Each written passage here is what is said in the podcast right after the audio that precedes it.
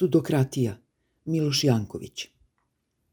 Poslanik Đukanović ponovo govori o sudokratiji.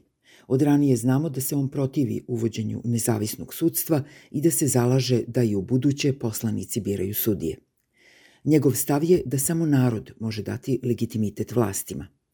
Ako je sudstvo jedna od tri grane vlasti, ko sudijama daje legitimitet ako ne narod preko izabranih predstavnika? Budući da sudije vrše vlast, ne možemo dozvoliti da biraju sami sebe. Mogu li se pravdati ovakvi stavovi? Poznati profesor prava i filozofije sa Novog Zelanda, Jeremy Waldron, često je ukazivao na to da sudijama nedostaje demokratski legitimitet. Sudije donose političke i moralne odluke, ali zašto bismo njihove stavove smatrali vrednijima od stavova običnih ljudi? Ne počiva li demokratska zajednica na pretpostavci moralne jednakosti? Ne urušava li se na kraju sam princip demokratske samovladavine ukoliko sudije samostalno i na svoju ruku odlučuju o važnim moralnim i političkim pitanjima? Deluje da se Đukanovićeva borba protiv sudokratije zaista može braniti. Da sam na njegovom mestu, verovatno bih pred evropske birokrate izašao sa ovim Voldronovim rečima. Pošto nisam i nalazim se na diametralno suprotnoj poziciji od Đukanovića, pokazaću šta je sve pogrešno i krivotvoreno u navedenoj argumentaciji. Prvo, Voldron zaista govori o manjku legitimiteta sudija, ali on ne misli na obične sudije, već na sudije Vrhovnog suda. Vrhovni sudovi i njihovi kontinentalni pandani, ustavni sudovi, zaista delom vrše političku vlast i odlučuju o moralnim pitanjima. Njihov zadatak je da tumače abstraktne ustavne norme i prava i ocenjuju da li su niža akta usklađena sa njima.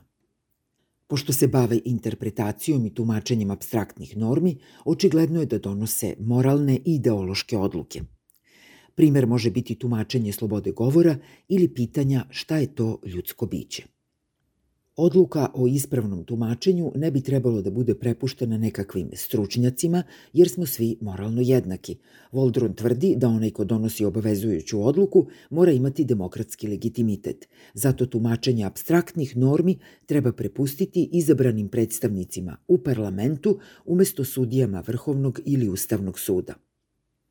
Voldron, međutim, smatra da moraju biti ispunjeni određeni uslovi da bismo ovakvu odluku mogli da branimo moraju biti uspostavljene demokratske institucije koje dobro funkcionišu. Moraju postojati sudske institucije koje su nezavisne od izvršne i zakonodavne vlasti. Društvo mora biti posvećeno odbrani individualnih i manjinskih prava. I mora postojati nesaglasnost u društvu o tumačenju prava kako bi uopšte imalo smisla donositi odluke ovoga tipa. Dve su nam stvari ovde važne.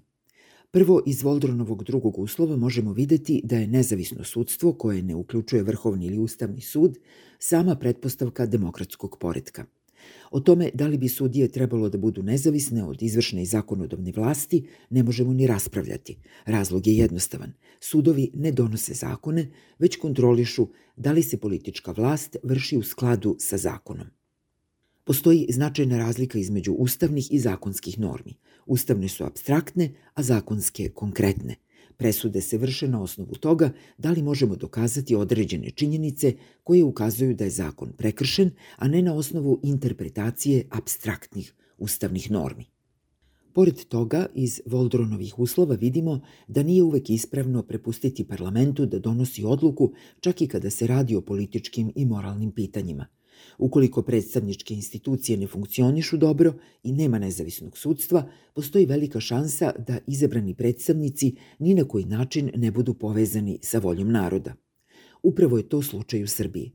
Drugim rečima, ne samo da se o nezavisnosti običnih sudova i sudija ne sme raspravljati, već je pitanje da li u sadašnjim okolnostima možemo pronaći dobar razlog da parlamentu prepustimo bilo koju odluku. Da zaključimo. Nezavisnost sudstva od političke vlasti neupitna je i počiva na principu podele vlasti. Još je Montesquieu pisao da nas jedino podela vlasti može sačuvati od despotije i razobručene tiranije grupe pojedinaca. Zato, kada se poslanik Đukanović, pozivajući se na narod, protivi nezavisnom sudstvu, on zapravo izražava želju da taj narod tiraniše bez ikakvih ograničenja.